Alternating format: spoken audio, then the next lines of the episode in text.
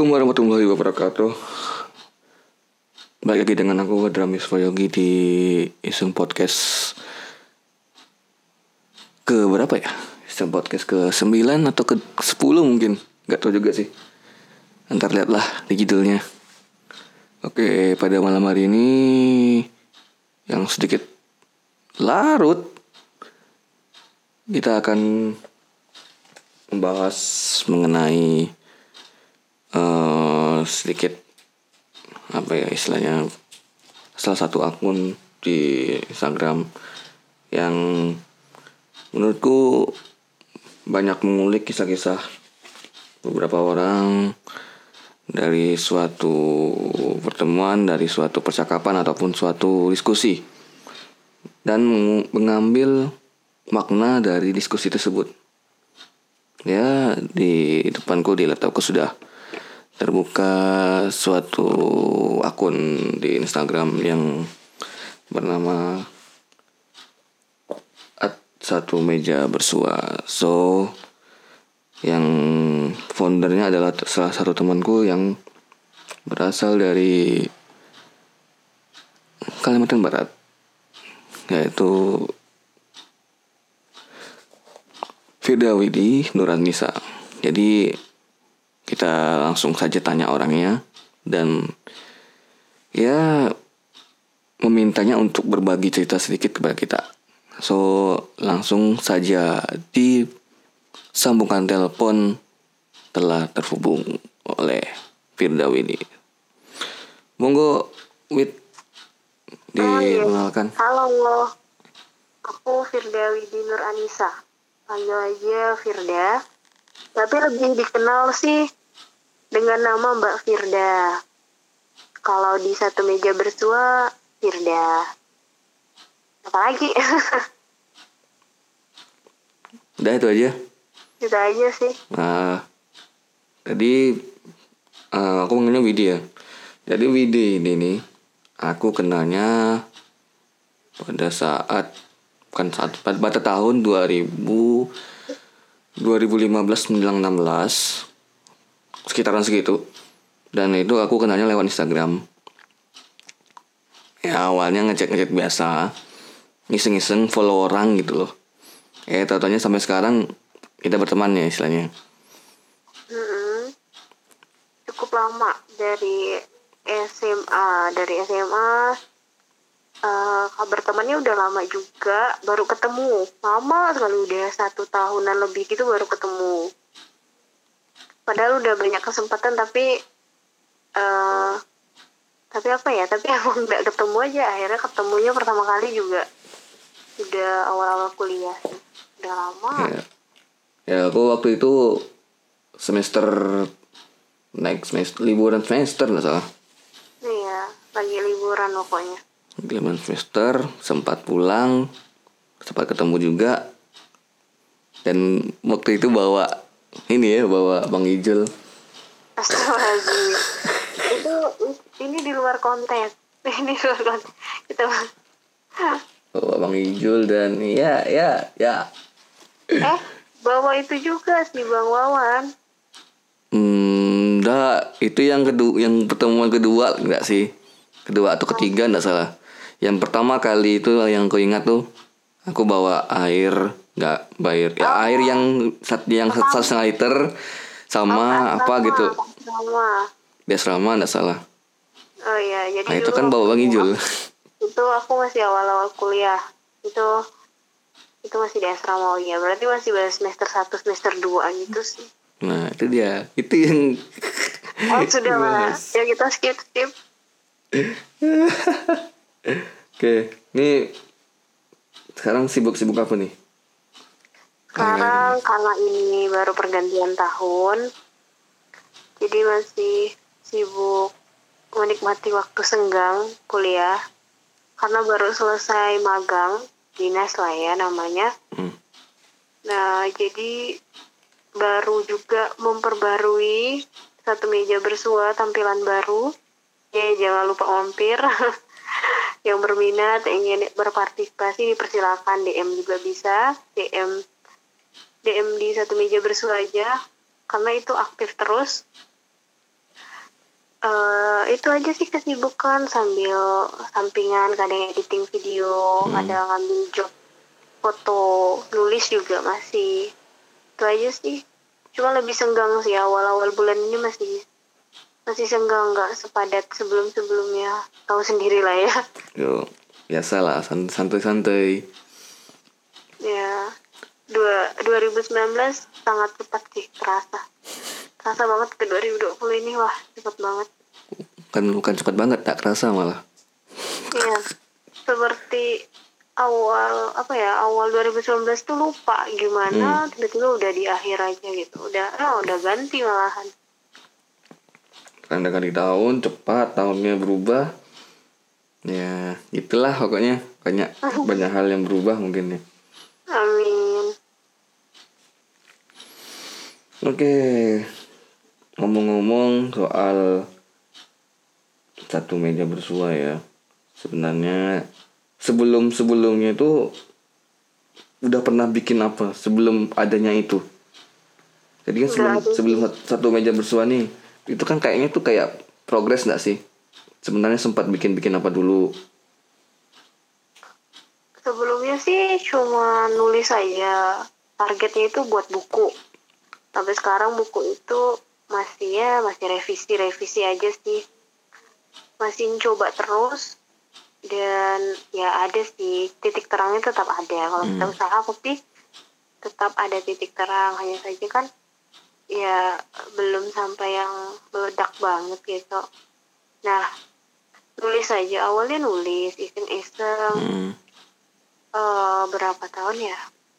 Sa beda dua, mungkin dari awal kuliah kali. Dari Bukan awal kuliah. Awal-awal kuliah udah fokus sering-sering buat kalimat-kalimat puitis, Hmm. kalimat-kalimat yang quotes-quotes ataupun caption-caption menarik gitu. Oh ya, sebelumnya ini sebelum di satu meja itu seringnya di Weebly. Beli. Hmm, di Bikin- Weebly itu itu namanya itu air putih nggak pakai ice. di Weebly nulis di Weebly yang kayak blog gitu kan. Itu hampir sama dengan satu meja bersua. Maksudnya isi isinya itu hampir sama. Nggak beda sih, beda jauh sih. kalau di Weebly itu kayak kayak lebih gimana? Di Weebly itu lebih ke misalnya cerita teman-temanku ada curhat, nah itu aku buatin kalimat puitisnya, versi kalimat puitisnya, versi baperannya gitu. Jadi rata-rata curhat gitu, curhat-curhatan soal percintaan kebanyakan. Eh, lalu juga tapi lucunya di kasus Weebly ini bukan karena aku berhenti tapi karena aku lupa passwordnya apa. Jadi aku nggak bisa masuk lagi untuk Hmm. melanjutin tulisannya. Hmm ini lu lupa password. Susah. Jadi pas udah coba udah coba berapa password kali email biasanya itu eh, pada dasarnya aku tuh nggak pakai Gmail. Pada dasarnya aku tuh dari aku kelas 5 SD aku tuh selalu pakai Yahoo. Dan sampai sekarang jadi saat harus pakai Gmail aku tuh selalu buat Gmail baru terus dan nggak pernah ingat yang mana yang dipakai Hmm. termasuk kasus yang di Weebly ini iya iya lupa email lupa password itu padahal kalau misalkan masih ingat mungkin masih berlanjut itu ndak ndak ter, ndak tertinggal ndak ndak ndak terbengkalai lah istilahnya Iya, nggak nggak cuma ngestak di satu tema aja gitu di Weebly. Karena Weebly itu lebih enjoy sih lebih. Cuman ya karena nggak seribet blog sih menurutku. Hmm. Tapi sih kalau kalau dilihat dari, dari tampilan kan memang nggak seribet blog, lebih simpel ya. Lebih simpel. Oke, ketika kan udah bahas web, sekarang kita balik lagi ke satu meja bersuanya. Nah, sebenarnya kenapa memilih nama itu? Terus kenapa? Apa sih alasan utamanya gitu loh, bikin akun itu gitu? Sebenarnya sih nggak ada alasan utama sih. Satu meja itu kepikirannya sewaktu kan kasusnya ini jadi ceritanya udah setelah Wibli sebulan setelah Wibli itu terbengkalai itu aku lagi duduk di salah satu ya aku emang suka baca ya aku sangat sangat suka baca dan aku juga lagi ngerjain tugas kampus itu di salah satu uh, kayak kedai kedai kopi. Dan di situ satu meja aja gitu maksudnya cuma aku doang. Jadi oh, satu meja gitu. Padahal hmm. sebelum nentuin namanya satu meja bersua itu sempat cek-cek di IG juga. Ada nggak sih nama-nama akun yang satu meja satu meja begitu? Nggak ada sih yang adanya satu meja yang perihal-perihal politik dan sebagainya. Jadi ya udah deh daripada ribet gitu kan. Maksudnya bingung juga. Hmm. karena kan segala sesuatu di zaman sekarang itu up upnya itu dari Instagram. Kalau nggak Instagram ya baru-baru juga Twitter baru ramai lagi kan? Jadi uh, satu media bersama itu langsung kepikiran oh ya udah deh buat gitu. Tapi kalau mau buat Instagram baru itu tetap harus ada email baru kan? Iya. Yeah. nggak mungkin emailnya sama dan itu jadi sebelumnya aku punya all shop nah hmm. akhirnya all shop itu aku ubah jadi satu meja bersua tapi yang alhamdulillah email yang ini aku tahu gitu nggak nggak lupa, lupa. passwordnya juga aku ingat akhirnya aku catat hmm. dan sampai sekarang dari awal sih dari awal respon satu meja bersua itu luar biasa banget sih uh, baru tiga postingan pertama awalnya enam postingan pertama itu penjelasan dulu. Penjelasan sih apa itu tatap bincang dan temu. Jadi uh, di satu meja bersua itu fokusnya ke tiga hal itu juga gitu. Tetap di mana pun diskusinya di mana pun pertemuannya tetap akan ada satu meja.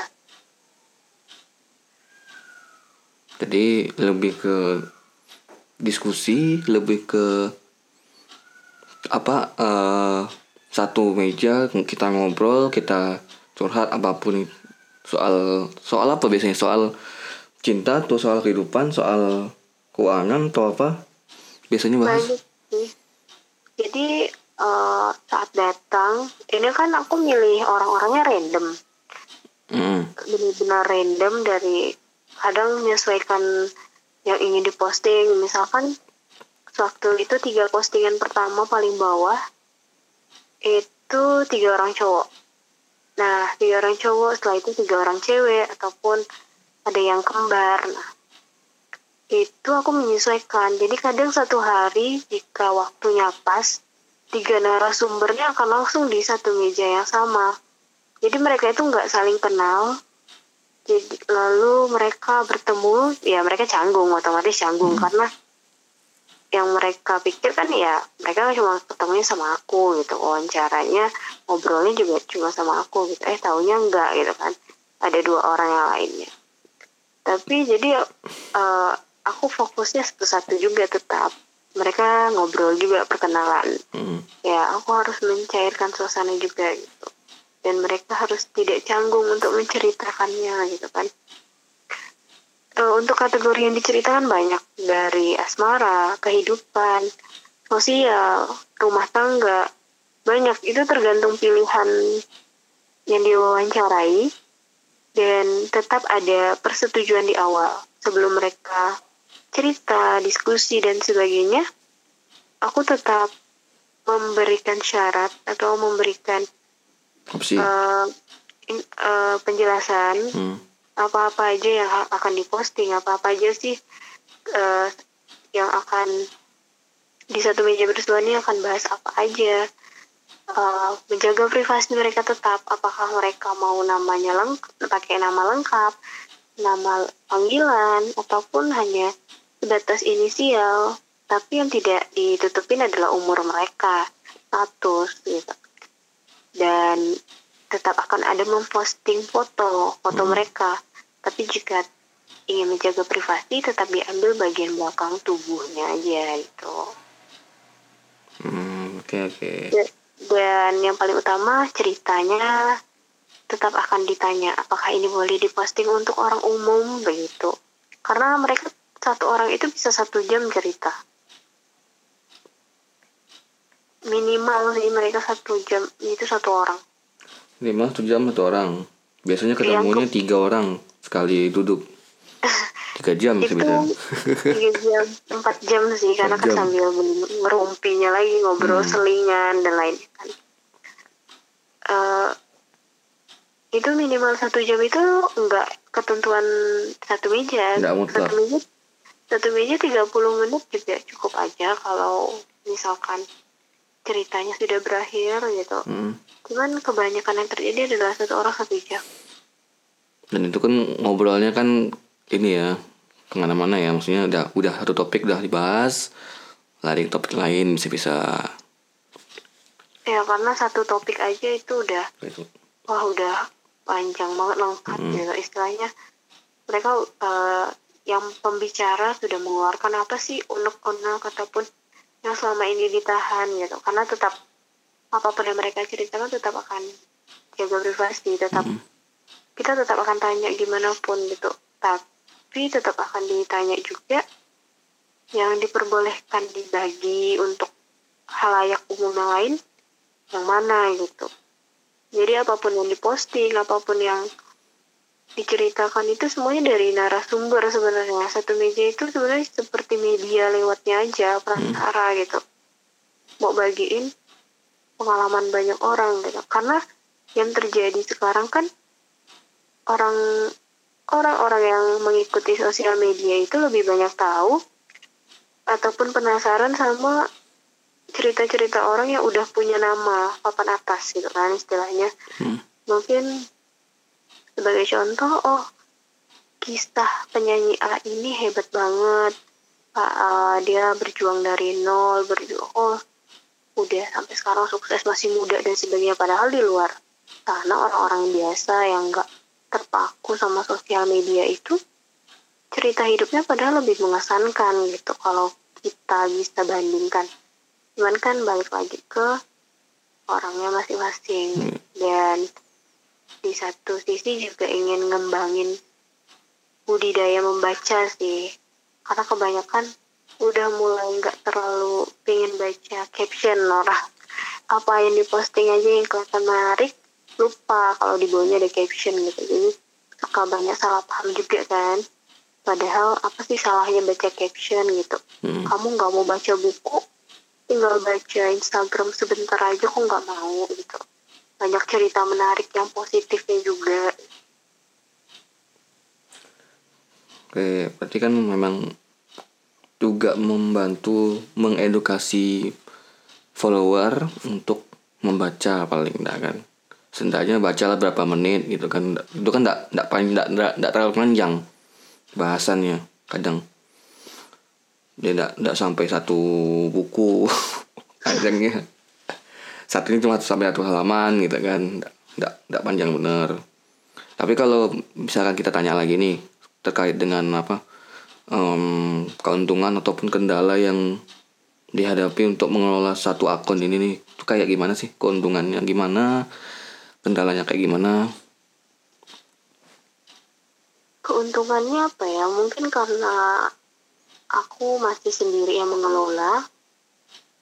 Jadi masih ya sebatas aku aja jadi nggak ada campur tangan yang lain itu masih aman maksudnya dalam arti eh, nggak perlu kita kapan aja aku mau posting ya posting gitu. Hmm. kapan idenya ataupun itu mungkin banyak sih dapat dari orang lain saran dan kritik gitu Eh, tapi yang mengeditingnya meng- membuat kalimat skrip tampilan. Biasanya tetap masih aku sih. Keuntungannya ya karena itu hobi jadi rasanya sih nggak nggak beban lagi sih ya, alhamdulillah. Keuntungan sih kalau secara eh, materi nggak ada. Ya ini hobi. Ya Eh, tapi alhamdulillah banyak orang baik yang endorse yang contohnya udah ada nih baju udah ada stiker. Jadi tiap eh, para narasumber para pembicara uh, minimal dapat stiker yang dikasih itu pasti ada. Karena narasumber pasti dapat itu. Kalau untuk baju sendiri itu masih ya belum banyak produksinya tapi ada gitu dapat beberapa. Uh, itu itu rezeki bonus lah ya hmm. dari hobi itu gitu. Kalau untuk depannya bisa jauh lebih besar sih alhamdulillah. Malah targetnya ini ini sih untuk jadikan sebuah buku jika positifnya banyak diambil tapi alhamdulillah sih para pengikutnya juga uh, setia ngikutin gitu suka sih sama dukungan-dukungan kalau keuntungan sih lebih seperti yang oh kalau udah bisa bantu orang udah oh alhamdulillah banget gitu. Hmm. Kalau kendala apa ya? Kendala mungkin waktu apa ya waktunya waktu untuk postingannya belum itu sih. Belum nemuin uh, rutinitasnya kapan ya? Harusnya misalkan target kan satu bulan dua hmm. postingan hmm. gitu kan. Kita tidaknya kalau waktu waktu awal-awal itu rajin satu minggu bisa langsung empat postingan. Postingan. Dan makin ke sini makin banyak kerjaan makin banyak tugas. Ya sebulan dua lah cukup. Dua atau tiga karena masih kuliah juga hmm. gitu kan. Tapi kalau lagi senggang gini kayak kayak tadi kemarin itu udah dua postingan tampilan baru. Padahal dalam bentuk video percakapan dan juga beberapa tulis maksudnya skripnya itu udah tulisan gitu kan ada tulisan di video itu. Jadi kan sambil baca juga. Itu udah itu serial sih serial akhir tahun gitu. Rencananya akan dibuat serial terus sih untuk beberapa waktu ke depan di ini oke oke. Dibuat serial. Jadi nanti formatnya mau kayak video lagi atau balik. Nah, maksudnya cuma selingan aja. Videonya selingan tapi yang konten utamanya yang kayak foto dan caption itu tetap ada. Atau gimana? Oh, caption sih tetap dipertahankan pastinya. Karena itu kan memang memang niat dari awalnya itu seperti itu. Itu tuh istilahnya juga satu foto itu adalah satu foto lembar pertama dan lembar di halaman berikutnya adalah ceritanya gitu. Itu hmm. istilah dalam bukunya seperti itu. Kalau untuk video itu memang uh, antar serial Instagram TV itu untuk sementara di awal 2020 ini masih di up dinaikin karena ya pasti ada sisi jenuh dong kalau cuman begitu aja. Feel uh, foto dengan filter yang karena foto dan filternya kalau editingnya seorang Firda itu ya hmm. itu pasti agak kuning gitu ya. Maksudnya memang seperti itu editing fotoku itu yang agak, pasti kalau agak kuning. Gimana agak kuning tuh? Oren-oren gitu. Oren-oren. Kayak Wah, ini kayak kayak apa kayak kayak itu di air kayak ngambang. Jadi habis di, habis di jamban ngambang atau kuning kayak kayak kuning kuning gitu. Iya enggak atau kuning masih ya? filternya filternya itu pasti yang musim gugur gitu ya seperti itulah. Hmm. memang kan kalau setiap orang kan punya khasnya sendiri lah ya punya pandangan masing-masing. Nah jadi untuk awal ini masih serial-serial itu akan muncul terus untuk beberapa saat. Karena dari respon orang uh, orang-orang sekitar juga yang hmm. alhamdulillah banget sih. Mungkin karena apa ya? Mungkin karena tidak ribet juga mereka tinggal mendengarkan gitu kan. Dan tidak terlalu panjang juga satu menit lebih. Nggak sampai tiga empat lima menit. Hmm. apa mau ya. dibikin kayak ini tempat bercakap? Enggak enggak enggak enggak. Tempat bercakap itu udah khasnya udah udah khasnya memang itu punya dia gitu punya oh tempat bercakap memang semua orang seluruh Indonesia tahu oh ini punya tempat bercakap yang model model tampilan kota tampilan hmm. pengambilan gambar teks dan oh ini ini satu meja ber, eh, maksudnya tempat bercakap banget gitu. Dan di satu meja itu ingin juga munculin hal seperti itu. Maksudnya oh ini ini loh. Kalau orang lihat oh ini punya punya satu meja bersua ya. Hmm. Eh, makanya satu meja berdua itu aku ambil logo biru dan tulisannya oranye gitu. jadi mudah diingat oke. Itu m- biar lebih mudah diingat atau ada filosofi sendiri dari warna biru dan oranye itu mudah diingat sih sebenarnya. Itu aja. Karena pada filos eh, dan kebanyakan orang lebih mudah mengingat warna biru. Aku juga nggak tahu alasannya apa. Kenapa nggak pakai warna hijau? Ini bukan ini bukan pepohonan. Coba eh, tanya dari sa- 10 orang pasti hanya satu atau dua orang yang nggak jawab biru warna kesukaannya aku nggak tahu juga kenapa begitu. Aku suka warna hitam. Nah itu pasti baru-baru. Dulu coba lihat aja anak-anak. Warna apa? Warna biru. Kalau perempuan juga biar nggak terlalu feminim dia pilih warna biru ya. Hmm. walaupun sebenarnya itu bukan biru biru biru biru langit ya. Itu tuh biru biru gelap gitu sih. Biru navy nggak sih? Biru Iya, dongker. bener.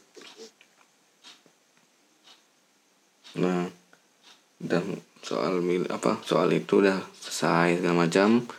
Kita ulik lagi nih sebenarnya ke dalamnya lagi. Em, ini kan ketemunya banyak orang kan, ketemu orang lain, orang orang asing dikumpulin di satu tempat ngobrol, diskusi bareng soal kehidupan, asmara segala macam. Nah, kan udah banyak kenal orang nih segala macam nah ada nggak satu cerita yang menarik yang memang bisa apa ya buat motivasi atau gimana gitu Oke, pada dasarnya semuanya memotivasi sih. Memang karena tujuan satu meja itu kan mau motivasi banyak orang lewat cerita orang lain juga gitu. Untuk mengingatkan, eh diri kamu itu punya cerita yang luar biasa hebat yang bisa dibagiin. Hmm. Selain untuk ngingatin diri sendiri, ya ngingatin orang lain. Sebenarnya cerita-cerita mereka itu luar biasa banget sih. Dari yang bullying, dari yang broken home, dari yang jatuh bangkit jatuh lama lalu ada orang yang menolongnya udah hampir menyerah pokoknya dari keragam sih aku juga bisa milih satu sih karena udah wah banget sih sebenarnya dan pembelajaran banget sih setiap orang yang ditemuin itu aku selalu mikir oh orang-orang yang dipertemukan sama aku itu adalah orang-orang yang memberikan pelajaran hidup pembelajaran lewat lewat cerita minimal tuh lewat cerita. Nggak perlu kita kenal dia lama ya dia ngomong sedikit sama kita aja. Dari cara bicara aja udah jadi pembelajaran sih sebenarnya soalnya memang memang hampir semua kisahnya bagus belum ada kisah satu kisah yang menarik atau gimana bagus sih bagus, Bagus semua, semua. menarik semua nggak ada yang karena aku orangnya juga mikirnya pukul rata sih Hmm. kalau menarik ya semua menarik gitu karena mereka udah cerita aja mereka udah menarik luar biasa sih Oke. Jadi banyak banyak banyak kisah menarik, banyak banyak apa pelajaran dari hidup. Nah, ada kalau dari Widi sendiri udah ketemu banyak orang nih. Istilahnya pernah ada ndak kisah apa ya eh, mengangkat satu makna yang dalam gitu dari beberapa pertemuan itu tuh dalam hidup Widi itu kayak kayak mau jadi apa gitu ke depannya kehidupan kehidupannya yang kayak gimana gitu. Hmm, kalau aku sendiri sih sebelum dari aku SMA aku tuh udah berpikir sih. Aku nanti kalau udah selesai SMA aku pengen punya kehidupan seperti ini. Mm-mm. seperti apa sih yang apakah rumahku bagaimana? Aku tuh dari SMA karena aku sendiri punya trauma di masa kecil. Iya. jadi tapi alhamdulillah trauma itu tidak berlarut. Aku masih bisa menyelamatkan diriku. Jadi itu mungkin yang membuat aku mungkin berpikir lebih lebih dewasa sebelum waktunya sewaktu aku masih kecil itu setelah kejadian tersebut. Ya traumanya itu bukan karena lingkunganku ataupun aku di dibully atau apa. Ya aku mengalami bullying tapi bullying secara uh, bukan karena tindakan tapi karena kalimat dan sebagainya ya. Ya dulu kan nggak seviral sekarang. Hmm. kalau bullying kalimat itu kan yang non verbal itu. Nah eh, kalau apa ya dari SMA sih udah termotivasi sebenarnya karena ya kunci utama bersyukur sih sebenarnya. Dan sampai sekarang ya dulu aku juga pernah hampir hilang kendali. Hmm. ya hilang kendali gara-gara aku punya satu tujuan. Aku pengen jadi seorang dokter melalui beasiswa. Tapi aku gagal di langkah terakhir. Dan itu dan aku waktu itu nggak punya perencanaan loh. Nggak punya perencanaan. Setelah aku gagal aku harus ke mana itu aku nggak punya. Di situ sih. Tapi Oh, hmm. di balik itu lagi hikmahnya banyak artinya sekarang banyak banget hal-hal baik datang gitu. Dan apa ya aku nggak nggak apa ya nggak nggak berpikir yang aku harus punya kehidupan kayak orang lain enggak aku ingin punya kehidupanku sendiri. Ya kalau untuk contoh sih ya pasti dari keluargaku gitu. Hmm.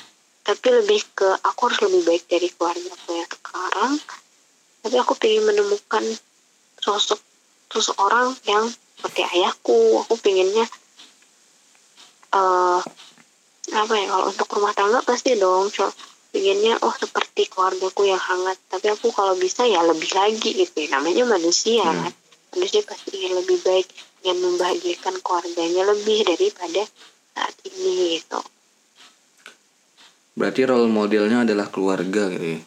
ya keluarga sih tapi untuk satu meja bersua ini sendiri kedua orang tua aku nggak tahu sih aku punya akun ini Tidak perlu tahu. Nanti saja tahunya. nggak orang tua secara pribadi orang tua aku itu nggak tahu kalau anaknya ya orang tua aku tahu aku nulis Hmm.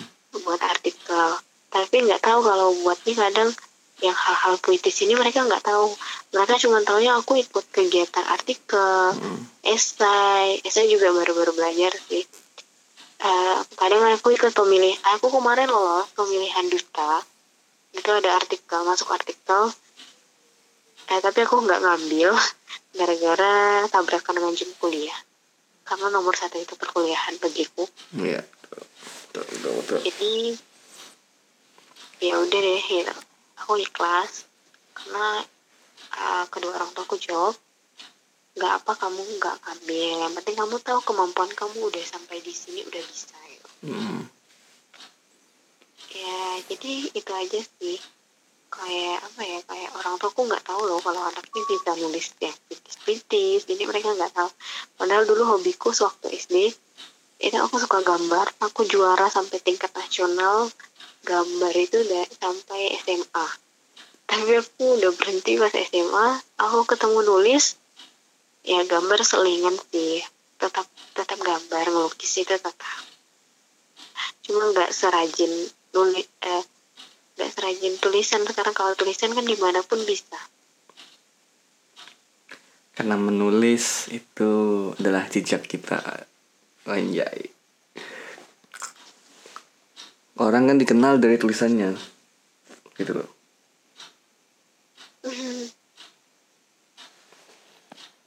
Oke. Eh, udah bahas-bahas soal akun, udah bahas soal ketemu banyak orang segala macem.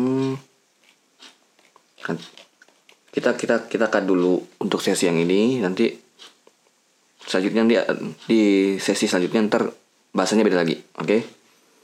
Oke. Oke siap. Tunggu sebentar